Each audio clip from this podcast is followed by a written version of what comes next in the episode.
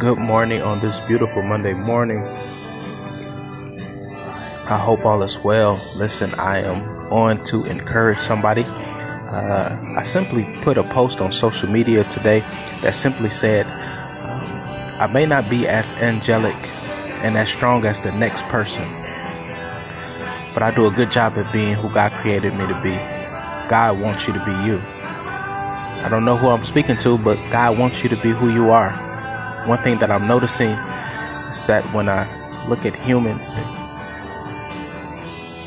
more times than often, people who always portray the image of being perfect, upright, saintly, doing all the great deeds at the right time, are often people who are putting on a mask. And yes, you hold this image in public eyesight, but deep down inside, a lot of people are struggling. They have vices that they're struggling with. They're struggling with their insecurities, struggling in areas that the public can't see. But yet, when they come in the public eye, they begin to put on this image of perfected human personification. What I want to encourage you is that, yeah, we have a good side, but we also have a side that we repress, which is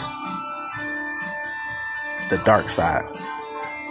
And for us to be holistic beings, yes, we must deny the dark,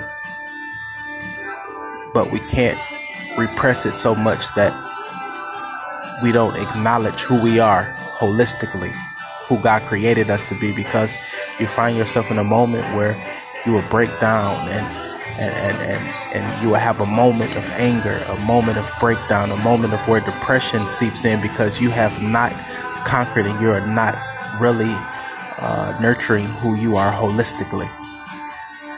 Should you feed into the dark side? No. What I'm not I'm not saying that, but I'm, I'm saying you should acknowledge who God created you to be.